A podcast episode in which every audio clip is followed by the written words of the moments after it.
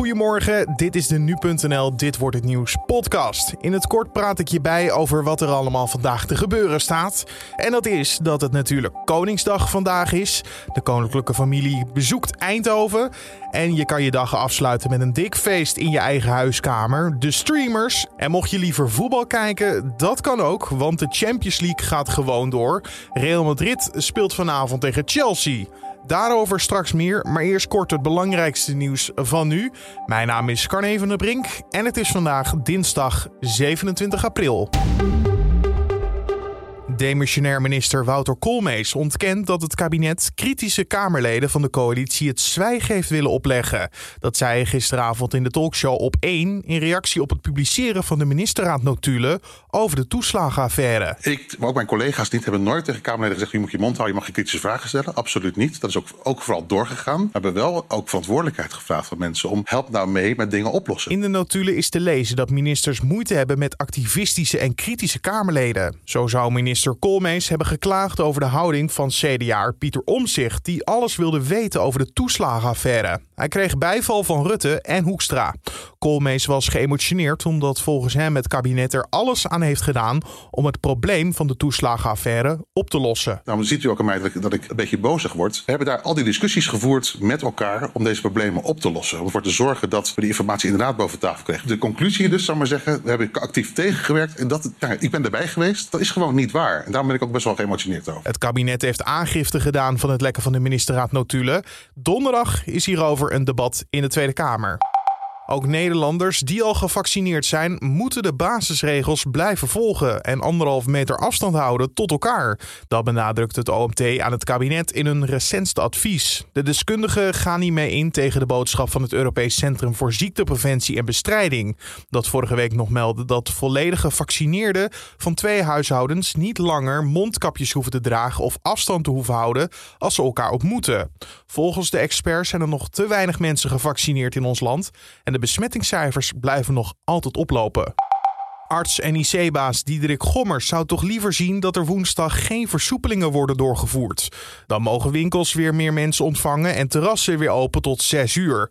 Maar Gommers is toch eigenlijk geen voorstander van dit plan. Dat zei hij gisteravond bij Bo. Ik zou nu heel graag zeggen, jongens, wacht nog een week. We doen het met elkaar en je kunt nu niet zeggen van luister eens, in het zicht komen we, nemen we het risico dat we in die buurt van de grens van de maximale IC-capaciteit komen. Gommers wijst erop op de uitputting slag van verpleegkundigen en artsen in overvolle ziekenhuizen. Maar we zijn nu zes maanden bezig en je ziet in bepaalde ziekenhuizen dat je een hele hoge uitval hebt. Dus als de collega's in Brabant en er zo doorheen zitten, doen we echt een beroep op andere intensive cares in Nederland die wel misschien iets kunnen leveren. Eerder zei Gommers nog dat de versoepelingen niet zullen zorgen voor een piek in het aantal IC-opnames, omdat het vaccineren nu echt op stoom is. Treinreizigers ondervinden van woensdag tot en met zaterdag mogelijk zeer veel overlast vanwege acties van vakbond FNV Spoor, zo meldt ProRail. De vakbond voert actie omdat er nog geen akkoord is bereikt met de spoorwegbeheerder over een nieuw CAO. Volgens FNV worden de acties van 6 tot 8 uur ochtends gevoerd en het treinverkeer kan dan pas na die tijd worden opgestart. Daarom verwacht ProRail dat het treinverkeer die drie dagen tot in ieder geval 10 uur ongeregeld zal zijn. Voor zaterdag is een landelijke 24 uur staking gepland. Als die actie doorgaat, is er de hele dag in het hele land geen treinverkeer mogelijk, benadrukt ProRail. En dan verleggen we onze focus op de dag van vandaag. Wat staat er allemaal te gebeuren? Koning Willem-Alexander viert vandaag met zijn gezin Koningsdag in Eindhoven. Er staat een vol programma op de agenda. Zo zal de familie een selfie-straat betreden en aanwezig zijn bij een verrassingsoptreden in de stad. Nou, mocht je nou denken dat wordt ze allemaal opgelegd, nou dat is niet helemaal zo, vertelt royalty-deskundige Jeroen Snel. Nou, ze hebben toch eh, best wel wat uh, invloed op het programma, want ze willen eigenlijk geen dingen doen die ze niet leuk vinden. In het verleden is het ook nog eens fout gegaan natuurlijk. Denk aan het uh, wc-pot werpen, waar achteraf denk Willem-Alexander best wel spijt van heeft gehad, omdat het beeld dan nog jarenlang hem blijft achtervolgen. Dus in nauwe samenwerking tussen in dit geval Eindhoven en het Hof, dus de koning, gaat men door dat programma en ja, wordt er een soort overeenstemming bereikt. Verder staat er ook een regio-quiz op het programma, wordt er gekookt met een sterrenchef en gaan de prinsessen tegen elkaar racen op een stofzuiger.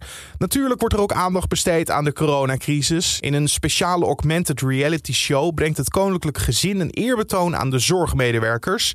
En die aandacht voor de zorg is niet onnodig. De familie kwam het afgelopen jaar niet enkel positief in de schijnwerpers. De vakantie naar Griekenland van de Oranjes viel bij velen verkeerd.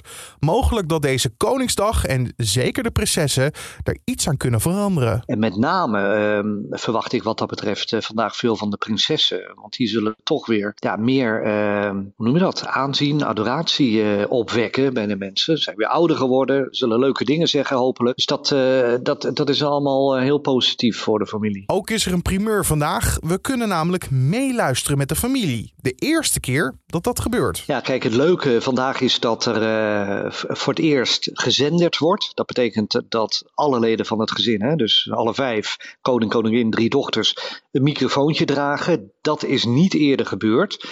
En dat komt gewoon van, ja, je zal maar in een programma van ruim twee uur iets zeggen wat even een slip of de tong is. Of uh, even irritatie hebben naar een familielid, ik weet het niet. Uh, maar goed, die uitdaging gaan ze aan. Dus uh, alles wat ze zeggen, dat wordt uitgezonden, live televisie en uh, voor altijd geregistreerd. Maar het leuke wel is dat je ze natuurlijk dan op een andere manier uh, is leert kennen. Ik bedoel, de stem van prinses Ariaan heb ik nog niet zo vaak gehoord. En van Alexia eigenlijk ook niet. Amalia heeft een paar keer een interviewtje gegeven de afgelopen jaren. Maar houdt ook niet over. Dus uh, nee, het lijkt me heel leuk om de onderlinge gesprekjes dus in die televisieuitzending te zien. En verder is het zo dat de drie prinsessen gaan aanschuiven in de Orange Room, waar een talkshow is met kinderen. Het gaat daar uh, over muziek, maar toch, ik hoop ook dat de prinsessen gewoon iets vertellen over hun eigen ja, persoonlijk leven. Of ze dan zelf muziek maken, wat voor muziek ze leuk vinden, waar ze op dansen. Uh, en misschien nog wel iets meer uit hun uh, eigen leven. Dat was royalty-deskundige Jeroen Snel. Op nu.nl houden we je volledig op de hoogte van het nieuws over Koningsdag op onze site en in onze app. En op Koningsdag is het natuurlijk feest, zelfs in coronatijd. Omdat we met z'n allen niet samen kunnen komen, is er een alternatief. Zo kan je het optreden van de streamers, ja, de naam zegt het al, online volgen. Een gelegenheidsband met onder andere Guus Meeuwis, Kraantje Papi, Paul de Leeuw, Duncan Lawrence en Armin van Buren. En dat allemaal gratis en voor niets. Het zal groot worden, vertelt ook DJ Domien Verschuren, die namens Q-Music de hele dag verslag doet in aanloop naar het feest. Het is de tweede editie van de streamers. De vorige keer was vanuit Carré en daar keken meer dan 1 miljoen mensen naar, hebben ze snel uitgerekend. En afgelopen weekend stond de teller van het aantal verkochte tickets, verkocht tussen aanhalingstekens, wat is gaat, dus al op 250.000 tickets. Dus je kunt op je vingers wel natellen, moet je heel veel vingers hebben dat er heel veel mensen gaan kijken naar de streamers. Voor de gelegenheid zijn de artiesten uitgenodigd op het werkpaleis van de koning. Dus een optreden vanaf wel een hele bijzondere plek. Waanzinnige locatie dit keer. Uh, ze hebben Paleis Noordeinde toegewezen gekregen. Ze zochten nog een mooie plek om het te gaan doen. En uh, het koninklijk paar heeft zelf de streamers uitgenodigd. Dus er is een gigantisch podium opgetuigd in het, uh, het stallendepartement van, uh, van het paleis. En daar gaat het gebeuren. Zelfs zal Domien de hele dag te horen zijn als razende reporter. Mijn rol vandaag is dat ik bij de streamers ben in hun bubbel. Dus ik, ik ben ook getest van tevoren. Ik uh, mag met ze op pad de hele dag. En ik ga vooral verslag doen van alles wat er tot aan 8 uur gaat gebeuren. Want om 8 uur is de grote live show. Dan gaan we echt muziek maken. maar tot dat moment gaat natuurlijk een hele hoop gebeuren repetities, zenuwachtige artiesten. Maar ook de sfeer van zo'n evenement op het paleis. Dat ga ik proberen te vangen vandaag. Toeleven naar dat feest vanavond kan de hele dag op Q Music. En vanaf 8 uur gaan de streamers ook daadwerkelijk los. En vorige week was het natuurlijk heisa in de voetbalwereld. Meerdere clubs kwamen naar buiten met het nieuws over een eigen Super League in plaats van de Champions League. Dat tot woede van de UEFA, die juist met het plan kwam om de Champions League aan te passen om zo meer te voldoen aan de vraag van grotere clubs. Het was oorlog in de voetballerij. Nog binnen een week tijd lieten verschillende clubs weten toch afstand te nemen van de Super League. Excuses en door. Dat was de hoop. Ondertussen staat vanavond Real Madrid tegen Chelsea op het speelschema in de Champions League. Nou is Real een van die clubs die nog niet publiekelijk afstand heeft genomen van de Super League. Je hoort sportverslaggever Riepke Bakker over wat de UEFA hiervan vindt. Ja, niet goed. Het, uh, het grote moddergooien is, uh, is nog steeds aan de gang, kun je eigenlijk wel zeggen. Uh, Florentino Perez, de voorzitter van Real Madrid, die noemt Alexander Severin, de voorzitter van de UEFA, een agressieve man. Een man die met allerlei agressiviteit een, een einde heeft gemaakt aan de Super League. En aan de andere kant is de UEFA weer die Real Madrid ervan beschuldigd dat ze het voetballen kapot willen maken. Ja, uh, onder die omstandigheden uh, wordt deze wedstrijd gespeeld. De, de, de club die verweten wordt de Champions League kapot te willen maken, ja, die gaat er nu voor strijden om uiteindelijk de Champions League te, te gaan winnen. Dus het, het, is een beetje een rare wedstrijd. Chelsea daarentegen heeft wel afstand genomen. De eigenaar ging zelfs door het stof tot opluchting van de fans. Het ging van boosheid naar vreugde. Nou, wat betreft de supporters wel. Want die hebben ongeveer het uh, grootste feest gevierd uh, van alle clubs die afstand namen van, uh, van de Super League. De, de, de, de, supporters gingen eerst de straat op om te protesteren. En toen het omsloeg in we trekken ons terug. Toen was het één groot feest. Dus het is ja, wat betreft Chelsea en de Super League nu even rustig. Maar het is wel iets wat doorcijpelt. En wat Real Madrid ook zegt, uh, de plannen uh, zijn niet van de baan, de plannen staan in de koelkast. Nou ja, onder druk van de, van de supporters en van heel veel andere mensen in de voetbalwereld heeft Chelsea er voor even vanaf gezien. Maar ja, het kan nog zijn dat ze in de toekomst ja, toch weer gaan aanhaken, maar dan bij een uh, iets ander format. Dan nog even over de wedstrijd van vanavond. Mocht je kijken, dan vertelt Riepke Bakker wat je mag verwachten. Nou, het is een beetje oude glorie tegen uh, misschien wel de nieuwe glorie. Want ja, Real Madrid is de, de meest succesvolle Champions League club aller tijden. Uh, maar de helden, de grote meneren Benzema, 33 jaar, Modric, 35 jaar, Ramos, die nu geblesseerd is, is 35 jaar. Dus het is wel een, een, een grote wat op zijn laatste benen loopt. En die nemen het dan op tegen Chelsea. En daarvan kan je zeggen, dat is ook een peperduur elftal. Maar dat zijn een beetje de nieuwe sterren. Timo Werner 25, Kai Havertz 21, Mason Mount 22. En ja, wij kijken natuurlijk allemaal een beetje naar Hakim Ziyech. Uh, afgelopen zomer overgekomen van de Ajax. Het is er nog niet helemaal uitgekomen bij Chelsea. Uh, zit vaak op de bank, maar af en toe zie je wel zijn klasse.